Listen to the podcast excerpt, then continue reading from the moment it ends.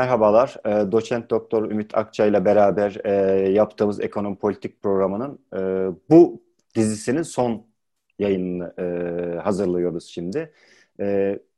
Kısaca özetlersek 90'lardan başlayaraktan 2018 krizi ve 2020'ye kadar esasında dönemler itibariyle Türkiye'deki iktisadi ve siyasi dönüşümün ana belirleyen dinamiklerini tartıştık. Güncel siyasi çekişmeler, farklılıklardan ziyade biz daha çok bu dönemin sürekliliğini arz eden dinamiklere bakmaya çalıştık. E, bugünkü son yayının e, başlığı da esasında 2023 seçimine odaklandığı için Türkiye biz siyasi ve iktisadi hattı hangi dinamikler belirleyecek bir otoriterleşme tartışması yürütülüyor Türkiye'de. Bunun dayanakları nelerdir? Siyasi iktidarın esneme kapasitesi kalıp kalmadığı veya işte iktisadi zorunluluklar çerçevesinde nasıl bir e, hamle yapma imkanına sahip. Biraz e, Ümit Hoca bugün bunları başlık 20 dakikada elinden geldiğince başlıklar halinde anlatmaya çalışacak. Ümit Hocam zaten aslında beklenti belli, tartışma da belli. Türkiye 2023'de bir seçim var. Nihayetinde bir seçim olacak ama o süreye kadar e, iktidar e, mevcut iktisadi koşullar çerçevesinde hamle nasıl hamleler yapabilir? Nasıl bir esneklik gösterebilir ya da esneklik gösterme kapasitesi kalıp kalmadığı bir soru işareti hı hı. olarak duruyor. Ben size bırakayım sözü. Siz otoriterleşmeden başlayaraktan e, bir çerçeve çizersiniz. Tamam. Ben de birazcık bu son bir yani bu serinin sonu olduğu için biraz e, hem kullandığımız kavramcayı özetleyip hem de önümüze nasıl bakabiliriz buradan e, tem, bu, temellendirerek diye e, neredeyse haplaştırılmış bir şey e, yapayım. E, özet yapmaya çalışayım. Şimdi bu otoriterleşme tartışması Türkiye'de dediğiniz gibi yoğun bir şekilde yapılıyor. İki tarafı var kısaca özetlemek gerekirse. Bir tanesi daha ana akım liberal çerçeve. Bu 1990'larda işte Berlin Duvarı yıkıldıktan sonra üçüncü dalga demokratikleşme olarak adlandırdıkları bir dönemle birlikte piyasa de, piyasa ekonomisiyle liberal demokrasinin el ele gideceğini e, ileri süren bir yaklaşımdı bu. Ana akım siyaset bilimi diyelim buna. Bu e, 2000'ler boyunca e, bunun geliştiğini ileri sürdüler. O dönemki tartışma başlığı e, o demokratik konsolidasyondu. Türkiye'de demokrasinin yerleşmesi dönemiydi. Hani İAKP diye biz de tartışmıştık ya burada. Ne bileyim Polonya gibi ülkeler, Doğu Avrupa ülkelerinde işte liberal demokrasiyle piyasa ekonomisinin yan yana gittiği ve bunun başarılı sonuçlar verdiği gibi ya da işte Latin Amerika ülke, ülkelerinde farklı tartışma düzlemlerinde bu yeniden üretildi ama birdenbire biz 2010'lu yıllara geldiğimizde karşımıza bir tane e, kavram çıktı, rekabetçi otoriterizm. E, bu ilginçtir. Bu literatür e, oradan oraya nasıl geldiğini tartışmıyor, açıklamıyor ama şu anda 2010'larda e, yaşadığımız şeyi rekabetçi otoriterlik kavramıyla tartışıyor. O da yani seçimler var ama iktidarlar oyun sahasını kendilerine göre düzenliyorlar, yargıyı medyayı ele geçiriyorlar. Bu da iki e, birbirine çelişik gibi görünen otoriterlik ve rekabetçilik e, gibi iki kavramın aynı anda var olmasına neden oluyor. İşte hibrit rejimler, melez rejimler diye de söyleniyor bunlar. Bu kavram şey açısından güzel. Ortam mı betimlemesi, tasvir etmesi açısından güzel. Ee, ne bileyim işte gündelik köşe yazısında, gazetelerde ya da işte siyasetçilerin tartışmalarında ya da e, ikili konuşmalarda birbirimize durumu anlatmak için belki faydalı olabilir ama e, daha siyaset bilimi ya da politik ekonomi açısından analitik bir kavram değil. Neden sonuç ilişkilerini bize anlatmıyor. Bir de e, demokratikleşme yönünde bir, bize perspektif söylemiyor. O yüzden bu hani bir tarafıydı bu. ikinci tarafı da daha sınıf merkezli otoriterleşme tartışmaları var. Ya da daha Marksist e, politik ekonomi çerçevesinden yapılan otoriterleşme tartışmaları var. Ee, bunun ikinci yani ikinci söyleyeceğim şeyin daha geriye gidiyor. Ee, 1970'li yıllardan sonu 80'lerden itibaren başlıyor ama ben orada bir kavram şeyi açısından e, bir kısa parantez açarak söyleyeyim. Bu otoriterlikte aslında e, uzun tartışılabilir ama ben dediğim gibi bu videoda biraz haplaştırmaya çalışarak e, öyle düşündüm.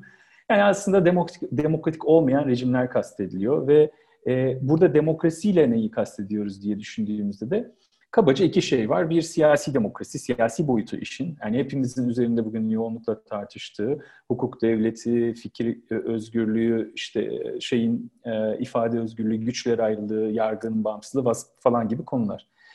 Bu işin bir tarafı yalnız, sadece bir tarafı. İkinci tarafı da ekonomik demokrasi.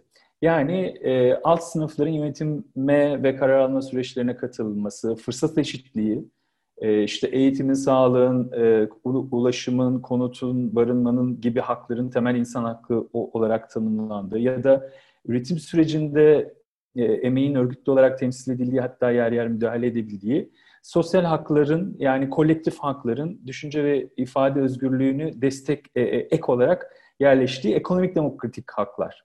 Şimdi e, biz şöyle bir son 40 yıldır şöyle bir şeyle karşılaştık. Bu neoliberalizm tartışmasını da belki böyle okumak lazım. Aslında neoliberalizm siyasi, ekonomik, kurumsal yapının ekonomik demek demokrasiyi ortadan kaldırmak üzere organize edilmesi anlamına gelebilir. Yani neoliberalizm ekonomik demokrasiye karşıdır. Siyasi demokrasiyle e, e, bir arada var olabilir ama varoluş nedeni zaten bunu ortadan kaldırmak. Ya da şöyle diyeyim, iki ayak üzerinde durduğunu tasvir edersek bu demokratik rejimlerin, e, neoliberalizm bu tek ayak üzerine dur- durmaya zorluyor. Ekonomik demokrasi ayağını kestiği için tek ayak üzerinde duramayan rejimlerde zaten demokrasilerde düşüyor. Şimdi bu çok e, e, nasıl diyeyim uzatılabilir bir tartışma. Hani o o ekonomik demokrasi olarak söylenen şey aslında 1960'ların siyasi e, sosyal demokrat e, tartışmalarının da bir parçası. Dolayısıyla bu yetersiz bulunabilir ama ben başlangıç çerçevesi açısından böyle bir şeyin işimizi kolaylaştırabileceğini düşünüyorum. Şimdi bu buradan bu e, şeye otoriterleşmenin diğer tartışmasına geçersem yani daha Marksistlerin yürüttüğü tartışmaya bu e, e Nicholas Polantzas'ın 1970'lerin sonunda yazdığı otoriter devlet biçimi yaptığı tespitle otoriter devlet biçimi e, kapitalist toplumların günümüzdeki devletlerin e, e, devlet toplum, devlet sınıfları arasındaki ilişkiyi tayin edici bir özellik. Burada neyi kastediyor? Daha somut olarak yasamanın karşısında yürütmenin öne çıkması, yürütme içerisinde uzmanlaşmış ekonomik aygıtların öne çıkması, bunun içerisinde bütün devletin kurumsal yapısının buna göre şekillenmesi, yine alt sınıfların karar alma süreçlerinden uzaklaştırılması siyasi partilerin işlevsizleştirilmesi, hukukun araçsallaştırılması, sermayenin lehine, sermayenin lehine yapılan düzenlemelerle ve bunun yeni sağ bir siyasi projeyle, muhafazakar bir siyasi projeyle hayata geçmesi. Şimdi bu İngiltere'de işte Thatcher, Amerika'da Reagan, Türkiye'de Özallı yılları e, şey yaptı. Biz de burada aslında bunun sonundan başladık tartışmaya. Bu proje 80'lerde ortaya Türkiye'de de devlet biçimini değiştirdi. 12 Eylül Anayasası bir otoriter devlet biçimi kurdu. Ancak bunun e, e, topluma nüfuz etmesi zaman aldı. Çünkü yine burada konuştuğumuz gibi 90'lardaki e, darbe sonrasında yeniden dirilen e, canlı toplumsal muhalefet, gerek işçi hareketi, gerek işte kadın hareketi ya da işte e, Kürt siyasal hareketinin yeniden canlanması vesaire 90'lı ya da siyasal İslam'ın daha resmi ideolojiyle kavga eden bir e, hareketin e, Türkiye'deki müesses nizamı e, meydan okuması gibi. Şimdi biz bunları şey yaptık. E, dolayısıyla bu otoriter devlet biçimi e, geldi. E, yani fiili, e, hukuki olarak geldi ama fiili olarak yerleşmesi ancak 2002 sonrası AKP iktidarıyla hayata geçti diye söyledik. Şimdi o e, bu geçtiğimiz programlarda aslında 2002-2007'yi hani ayrıca konuşmuştuk. Orası bu otoriter devlet biçiminin yerleşikleştiği bir dönemdi. Ve neydi onun en önemli şeyi? Emeğin tasfiyesi. E, sendikalaşma oranının düşmesi, e, e, emeğin milli gelirden aldığı payın düşmesi, e, özelleştirmelerle en militan e, unsurların tasfiye edilmesi vesaire. 2013 e, 8-13 arasında e, şöyle bir sonucu oldu bunun. Alt sınıfların siyaseten tasfiyesi sonucunda iktidar bloğu içerisinde e, e, siyaset giderek iktidar bloğu içerisinde yapılan bir uğraş haline geldi ve bu andan sonra iktidar bloğunun içerisindeki farklı bileşenlerin mücadelesi daha da sertleşti ve biz 2013 sonrasını 2018'e kadar hem siyasi krizin hem ekonomik krizin bir arada yaşandığı yapısal kriz konjonktürü olarak koyduk. Şimdi burada şeye geliyoruz. Ee, bundan sonrası nereye, nereye gidecek? Aslında 2018 20 arasında konuşmuştuk. Ama daha ekonomik yanını konuşmuştuk. Belki şimdi birkaç şeyi e, bu otoriter konsolidasyon kavramı etrafında birkaç şeyi vurgulayarak devam edeyim.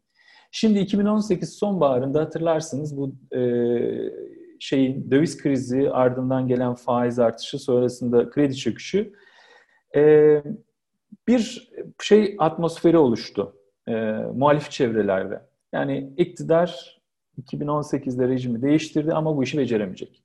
Yani düştü düşüyor. Ee, hatta işte bunu pek çok daha yani ana akım çevrelerden de yazanlar oldu. Yani şeyin falan neydi Kadri Gürsel'in yazdıkları aklımda. Ee, ekonomik kötü, daha da kötüleşecek. Ee, iktidar aynı e, 2019 seçimlerini erken aldığı gibi 2023'teki seçimleri de erkene alıp işler daha da kötüleşmeden erken seçime gidecek. Ve gitmek zorunda. Yani bayağı cüretli laflar da söylenmişti o dönem. 2010, 2018 sonbaharı, Aralık falan.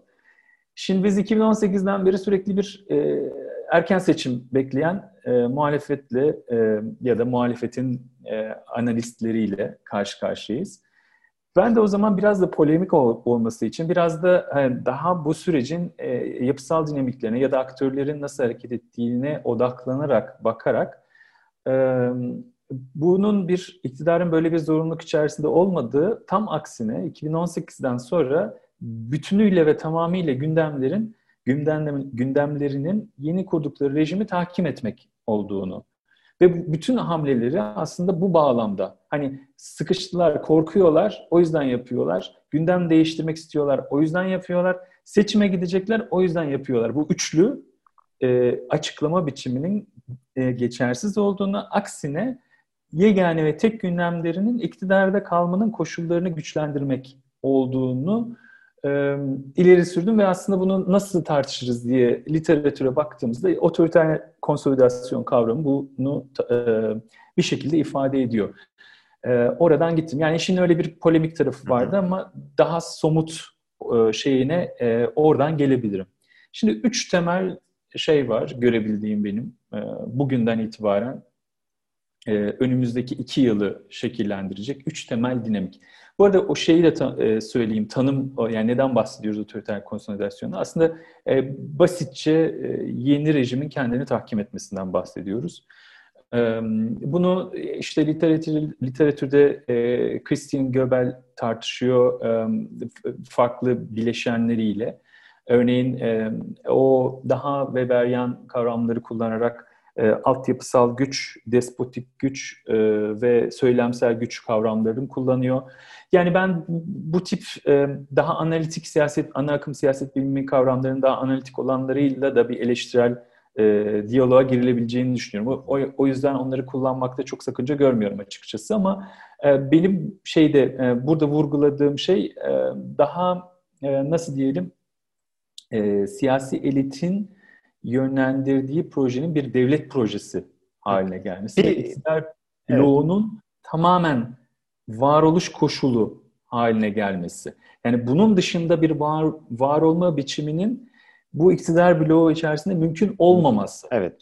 Bir araya girip parantez açın. Ee, siz konsolidasyon dediğiniz zaman genelde bu konsolidasyon cari siyaset için çok kullanılır. Yani oy devşirme taban. Hı, Ondan evet. dışında bir şey söylüyorsunuz siz. Evet, yani doğru devlet, çok güzel. Heh, devletin dönüşümüyle birlikte evet.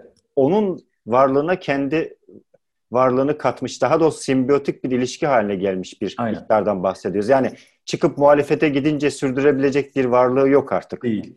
Evet. Onu ee, belirtelim diye Çok güzel. Ne olmadığını söyleyelim. Yani tabanı güçle tabanı ta, tahkim etme değil e, buradaki otoriter konsolidasyon. Ya da e, nasıl diyelim şeyi seçimlerde kendi oy, e, oy, oy oylarını arttırma girişimi değil. E, bir çeşit iktidar kurgusu. E, buradan hareketle şöyle değil. Ha bir de şurayı söyleyeyim. E, konsolidasyon deyince sanki tamamlanmış, tonlanmış bir şeyden bahsediyor. Tam aksine. E, bu kapı aralandı iktidara. E, bu kapıdan nasıl girecekleri, bu süreçteki dinamiklerin neler olduğu. Bizim tartışma konumuz bu. Evet. Yani bir de tonlanmış. Evet. Bir de hocam pürüzsüz bir ya da istikrarlı bir süreç değildir. Değil. Çatışmalı, Aynen. istikrarsız, gerilimli Aynen. bir süreç olduğunda hani not düşerek. Bıçak sırtı. Bıçak Onlar sırtı. açısından bıçak evet. sırtı. Ee, evet bu şeyler çok iyi oldu. Bir taban konsolidasyonu değil, iki e, şey değil, e, pürüzsüz değil, üç e, bitmiş sonlanmış bir süreç değil, Hı. dinamikleri konuşuyoruz o yüzden. Evet. Şimdi üç tane temel şey var e, bu tartışmada. Bir tanesi e, iktidar bloğu içerisindeki bütünlüğün korunması. Herhangi bir konsolidasyon girişiminin başarıya ulaşması için olmazsa olmaz koşul iktidar bloğu içerisindeki bütünlüğün korunması. E, şimdi biz bütün bu vesayet mi değil mi e, AKP yani Erdoğan iyi ama MHP kötü tartışmalarını şimdi bu, buradan okuduğumuz zaman biraz gülünç kalıyor açıkçası. E, çünkü eğer amaç yeni rejimin tahkim edilmesi ise bu içerisindeki bütünlüğü kurmak zorundalar ve bunu bunun için ne gerekiyor ne gerekiyorsa yapacaklar açıkçası. Bir başka boyutu iktidar bloğunun bileşenleri açısından e, düşündüğümüzde bu uyum açısından düşündüğümüzde... Hocam ben araya giriyorum. Kusura bakmayın. Burada da hemen bir formülasyon yapalım. En azından konuya uzak izleyiciler açısından. Yani niye bir güreşçiyi de feda etmediğini, niye bir daha büyük bir mesela ihale alıyor, yolsuzluk yapan bir şirketle ilişkiyi koparmadığını da buradan anlayabiliriz. Yani bu bir blok. Yani herkesin e, birlikte durması gereken bir blok olduğunu gösterir bu. Bazen çünkü Aynen. otur bir e, soru işareti o ya ne faydası var ki bu adamı tutuyorlar. O, o adamı tutmakla ilgili bir şey değil. İktidarın karakterini bir arada tutmakla ilgili bir sorun. E, ikincisi e, yine bu U dönüşü e, geçen programlarda konuştuk burada. U dönüşü sonrası iktidarın gündeminin e, büyük sermaye ile uyumlandırılması, senkronizasyonu konusu idi. Bu da e, iktidar bloğu içerisindeki harmoninin, bir, birlikteliğin, uyumun olmazsa olmazıydı. E, bu da gerçekleşiyor. Ama burada şöyle bir parantez de açalım. Şimdi bu e, böyle bir AKP'nin mutlak olarak sadece TÜSİAD'ın partisi olmaması e, bu şeyi e, zikzakları, sürekli gitgelleri e, AKP'ye yaptırtıyor. Nasıl diyeyim? Şöyle söyleyeyim. Örneğin daha önceki gün, dün dün sanıyorum top, top. faizler yükseldiği için e, il şey yaptı, itiraz etti.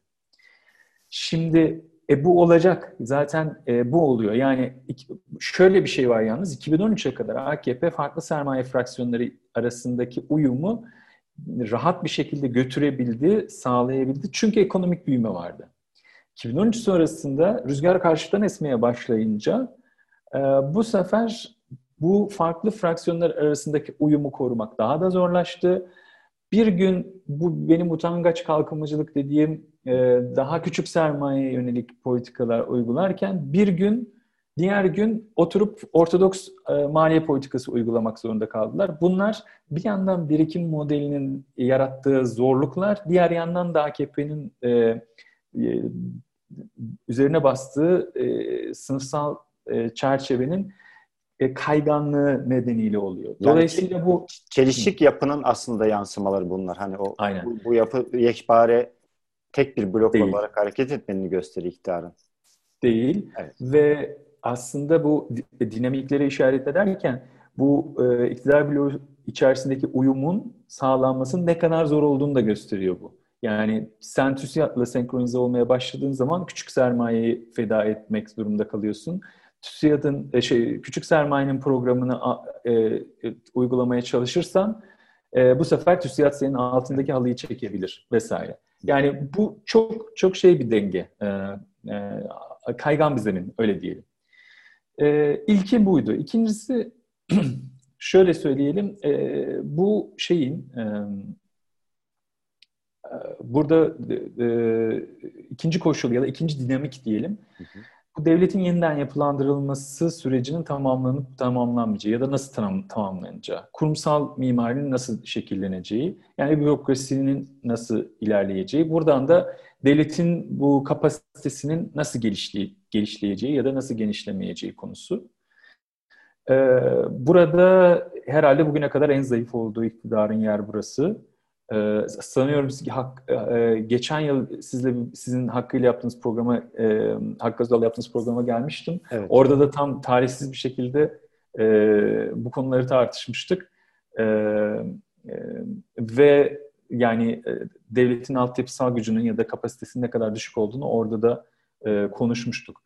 Şimdi bu halen sürüyor. Yani aşı tartışmalarında da işte e, genel olarak şeyin e, devlet idaresinde ya da bir deprem olduğunda yani herhangi bir şeyde e, e, devletin müdahale etmesini icap ettirecek herhangi bir konuda bu sorunların sürdüğü ortaya ortada duruyor.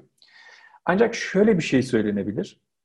Bu öyle bir konu ki diğer yanı bu işin bir tarafı devlet kapasitesi tarafı. Diğer yanı da iktidarın örneğin bir kemer sıkma programı uygulamak zorunda kalmayacak şekilde kredi genişlemesine ya da işte e, bir şekilde verdikleri bu e, selektif krediye, seçici kredileri sürdürebilme kapasitesi de bunun içerisinde. Örneğin bir IMF programı uygulamamış olmak hı hı bugün iktidarı ayakta tutan en önemli koşullardan biri. Geçen hafta biraz konuşmuştuk onu. Çok. O da kendilerinden kaynaklanan nedenlerle değil de uluslararası konjonktür değişti diye zaten onu e, şey yaptılar. O yüzden onu detaylandırmıyorum, geçiyorum. Üçüncüsü de muhalefeti kontrol etme kapasitesi. E, bu belki de en kritik olanlarından biri. Yani iktidar bloğu içerisindeki e, harmonizasyonu tutmak kadar e, muhalefeti kontrol etme de e, kritik. Çünkü e, e, ancak bu sayede e, ayakta kalabiliyorlar. Şöyle bir şey söyleyelim. O bir önceki dönemde kurulan otoriter emek rejimi e, şu anda iktidarın en büyük avantajı. Bu olmasaydı Türkiye'de sendikacılık hala yüzde yirmi e, düzeyinde örgütlü olsaydı, şey ücret pazarlığı düzeyinde, sosyal haklar düzeyinde kuvvetli olsaydı herhangi bir hareketiyle iktidarın e, rahatlıkla yönlendirilebilecek bir e, çalışanlar kesimi olmasaydı işler çok farklı olurdu. Bunu biz 90'lardan hatırlıyoruz işlerin nasıl olacağını. Yani e, Ankara'da yapılan 100 bin kişilik eylemleri artık sıradan hale gelmişti e, 90'ların sonlarına doğru yapıldığında ve bunlar etkili de oluyordu zaten. E, dolayısıyla otoriter emek rejimi şu andaki otoriter konsolidasyonun en önemli kaldırıcı, en önemli dayanaklarından biri. Bir de hocam e, bu son söylediğiniz dinamik sanırım büyük sermaye, küçük sermaye, kobiler yani Hı. sermayenin farklı fraksiyonlarını en sağlam bir arada, bir arada tutan, tutuyor. tutan bir de kriz olduğu için kar oranları düşüyor. Kar oranlarını arttırabilmeniz için siz emek üzerinde baskıyı arttırıyorsunuz. Yani çalışma saatleri artık iyice esnedi. Ücretler çok düştü. Bunu sağlayabildiği için hala sermaye fraksiyonlarının farklı çıkarlarını bir nebzede olsun uzlaştıracak zeminde durabiliyor iktidar. Evet. E, tam da bu nedenle e, dediğiniz gibi otoriter emek rejimi en önemli dayanağı bu sürecin. Üçüncüsü de muhalefetin e, açmazları. Muhalefetin açmazları de, derken de şeyi kastediyorum. E, bu otoriter konsolidasyon girişimi bir milliyetçi ittifak üzerine kurulu, milliyetçi ya da İslamcı ittifak üzerine kurulu ve e, HDP'nin Kürt hareketinin kriminalleştirilmesi ya da dış politikadaki milliyetçi e, şeyler, e, refleksler karşısında muhalefetin her an bölünmesi ve yani AKP bunu ne zaman yapsa hepsinde aynı sonucu alması, alabilmiş olması muhalefetin en büyük e, güçsüzlüğü ve iktidarın en büyük e, güçlerinden biri. Ha İstanbul seçimlerinde buna bir ara formül geliştirildi ya da işte yerel seçimlerde. E, bu e, bir şekilde formüle edilebildi e, tarafların esnekliği sayesinde ama Cumhurbaşkanı seçimi gibi tek bir kişi de bunun nasıl yapılabileceği oldukça meşakkatli bir konu. Bu iktidar açısından e, kendilerini rahat hissettikleri bir yer. Çünkü milliyetçilik üzerinden oynadıkları zaman İyi Parti'nin e, HDP ile nasıl yan yana düşmemek için neler yaptığını e, görüyoruz her şeyde. E, her somut tartışmada ya da CHP'nin nasıl e, dış politika konularında e, bize laf söylerler diye e, AKP bir diyorsa iki demeye çalıştığını yanlış hatlarda e, görüyoruz. Dolayısıyla muhalefetin kontrol şeyi e, diyelim e, kontrol altında tutulması e, bu şeyin e, otoriter konsolidasyon girişiminin ikinci ayağı. Peki bu e, nereye gider, ne olur? Hı hı. Valla sanıyorum vaktimizi aşıyoruz. E, bir, bunu bir iki dakika aslında şey yapsanız hocam yani bir şöyle söyleyeyim. E, iki üç temel başlıkla kısa cümlelerle bir ucu açık bir şey yapabilirsiniz. Şöyle söyleyeyim, e, yani e, bu 2021 eğer korona sonrası dönemin nasıl şekilleneceğine bağlı aslında ama 2021 e, dünya ekonomisinin yeniden canlanacağı, e, Türkiye'nin ihracat olanaklarının ve turizmin açılacağı bir dönem olursa eğer, Türkiye'de e, şu anda yaşanan ekonomik zorluklar Mayıs-Haziran'a kadar sürecek. Bunda şey yok, bunda şüphe yok. Hatta daha da kötüleşerek sürecek. Yani Mayıs'a kadar bir neredeyse bütün toplum için olağanüstü hali var şu anda. Zaten onu Erdoğan ee, da aslında kabul etti. İki ay, üç ay dedi bir Evet. sonra şey yani oldu. işsizlik artmaya devam ediyor. Evet. Kredi çöküşü daha da derinleşiyor şu anda. E, negatife düşecek neredeyse. Hı hı. Kredi artış hızı. E, şeyin ithalat hala sürüyor vesaire. Yani Mayıs'a kadar e, ekonominin açılması neredeyse mümkün değil.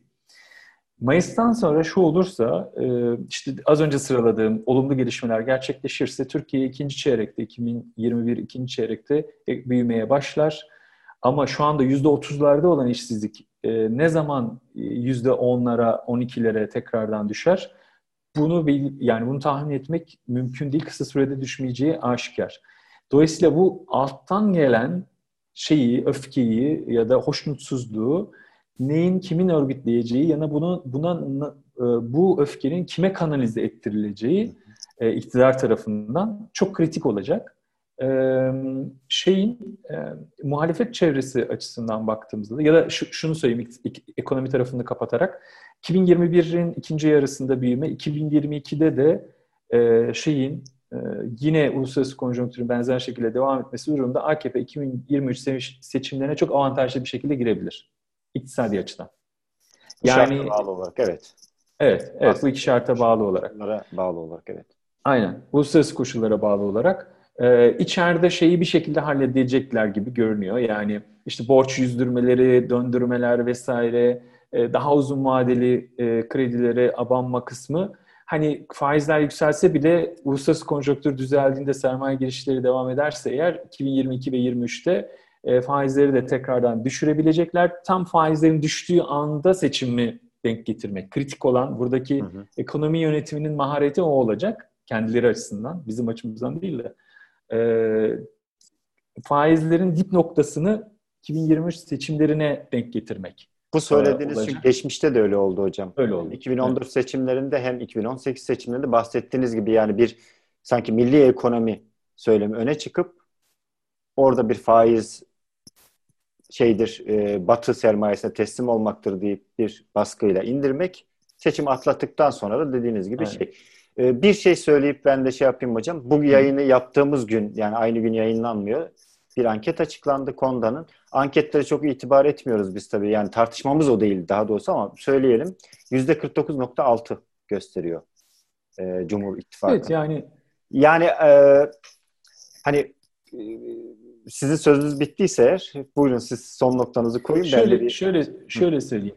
Şimdi bu iktidar 2023 seçimlerinde değişebilir bunu bu, bu seçeneği de ortadan kaldırın yani bu, bu seçeneği de e, göz ardı etmeyelim.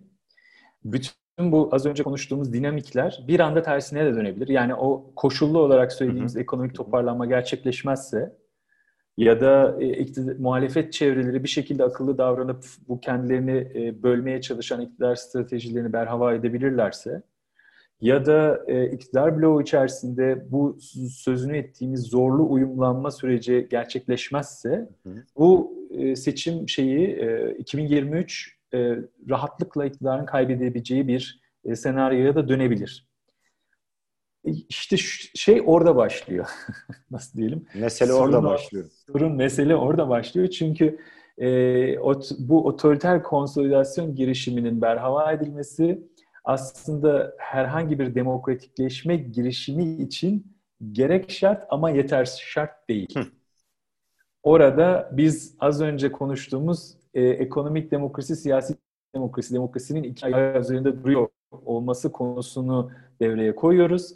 Orada e, şu andaki restorasyon cephesinin ekonomik demokrasiyle falan alakası yok. Siyasi haklardan, anayasanın yeniden düzenlenmesinden, parti, parlamenter rejime dönüşten, hukukun üstünlüğünden bahsediyorlar. Eğer o olursa şimdi aynı Amerika'da yapılan tartışmaya bir sonraki seçimde daha güçlü bir AKP karşımıza gelir. Ee, çok teşekkürler hocam. Ben de kısaca bir e, kendi alanım olduğu için oradan söyleyeyim. Yani iktidarın bu biz bu kamu ihalelerini falan hani bu kadar işlememizin nedeni bir yolsuzluk olduğu meselesi değil. Uzun süredir devlet büyük miktarda toplumsal birikime el koyan bir aygıt. Zaten hani işlevlerinden birisi budur. Türkiye'de bu çok yoğun ve bunu e, bu artı değerdir aslında yani toplumdan ve bunu dağıtaraktan ilerliyor. 3-5 şirketi değil, 5 çeteyi değil, tabana doğru binlerce şirket buralardan faydalanıyor. Küçücük bir servis e, cilen tutun da e, kadar. Dolayısıyla kurulan rejim sadece bir partinin bir takım kaynakları birilerine aktarması meselesi değil. Pek çok ayağı olan, e, Ümit Hoca'nın anlattığı temel ayakların yanında bir de böyle bir karakteri var. Hani kolay teslim edilebilecek bir e, şey değil, anahtar değil bu. Hmm. Yani seçim geldiği zaman da kolay teslim edilebilecek bir e, durum yok. Onu söylemek lazım. Türkiye'nin hani özgün yapısını da dikkate alaraktan. E, hocam e, çok teşekkürler. Gayet e, 90'lardan başlayıp 2000 e, bugüne kadar hani gayet e, sarih bir şekilde şeyi özetlediniz. Bizim de zaten amacımız aslında izleyicilerimize söyleyelim. Hani günlük politikanın dışında temel belirleyen, ana belirleyen dinamikleri biraz tartışmaktı. Yoksa bu iş böyle sürer, mutlak değişmez demek değil. Ümit Hoca'nın son söylediği gibi her şey nihayetine dönüp dolaşıp siyasette güçler dengesinin aldığı pozisyonlara bağlı. O pozisyonlar değişmediği zaman da işlerin değişmeyeceğini bilmemiz gerekiyor. Ee, bu son programımızdı. Ee, bir süre ara vereceğiz. Hani bunu tam tarih vermiyoruz ama farklı formatta, farklı içerikte belki e, yeni bir dizi daha e, hazırlamayı düşünüyoruz ama biraz daha zamana ihtiyacımız var farklı nedenlerden dolayı. E, teşekkür ederiz.